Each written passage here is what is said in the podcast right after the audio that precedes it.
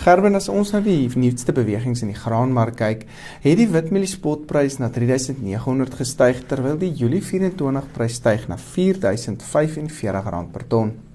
Die geelmieliespotprys styg na 3845 terwyl die Julie 24 prys styg na 3960 rand per ton. Die sojaspotprys kan ook nie sy hoër vlakke gehandhaaf het nie en, en verhandel bietjie laer op R9562 met die Mei 24 prys laer op R8900 per ton.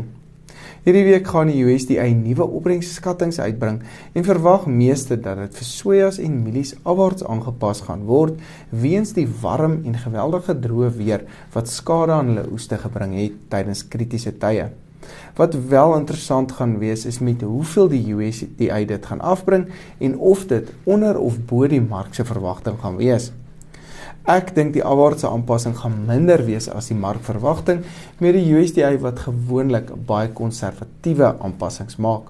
Wat dan kan beteken dat mielie en soja pryse weer kan daal as 'n resultaat oor die volgende week. As ons na die leweringsmaandpryse kyk, dis nou Julie en uh, vir mielies en Mei maand vir sojas, dan lyk dit of pryse nog so 200 tot 250 rand te hoog is gegee vir die huidige spotprys. Dit wil sê die spotprys asook die leweringsmaandprys is te naby tans aan mekaar. Die sonneblomspotprys styg gister na 9140 terwyl die Mei 24 prys styg na 8750 rand per ton.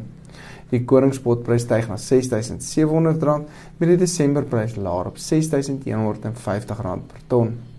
Nuutste data dui aan dat die Desember koringprys nou nader aan R6170 kan verhandel tydens Desember maand. Die swakker rand het die sorg om invoerperiteitsprys laat styg na R5753 per ton terwyl uitgedopte Argentynse grondbone ook gestyg het na R33962 per ton. Ek is dan ook hierdie week by Nampo Kaap en sien uit om almal daar te sien. Maak ook seker jy mis nie John Deere se uitstalling nie.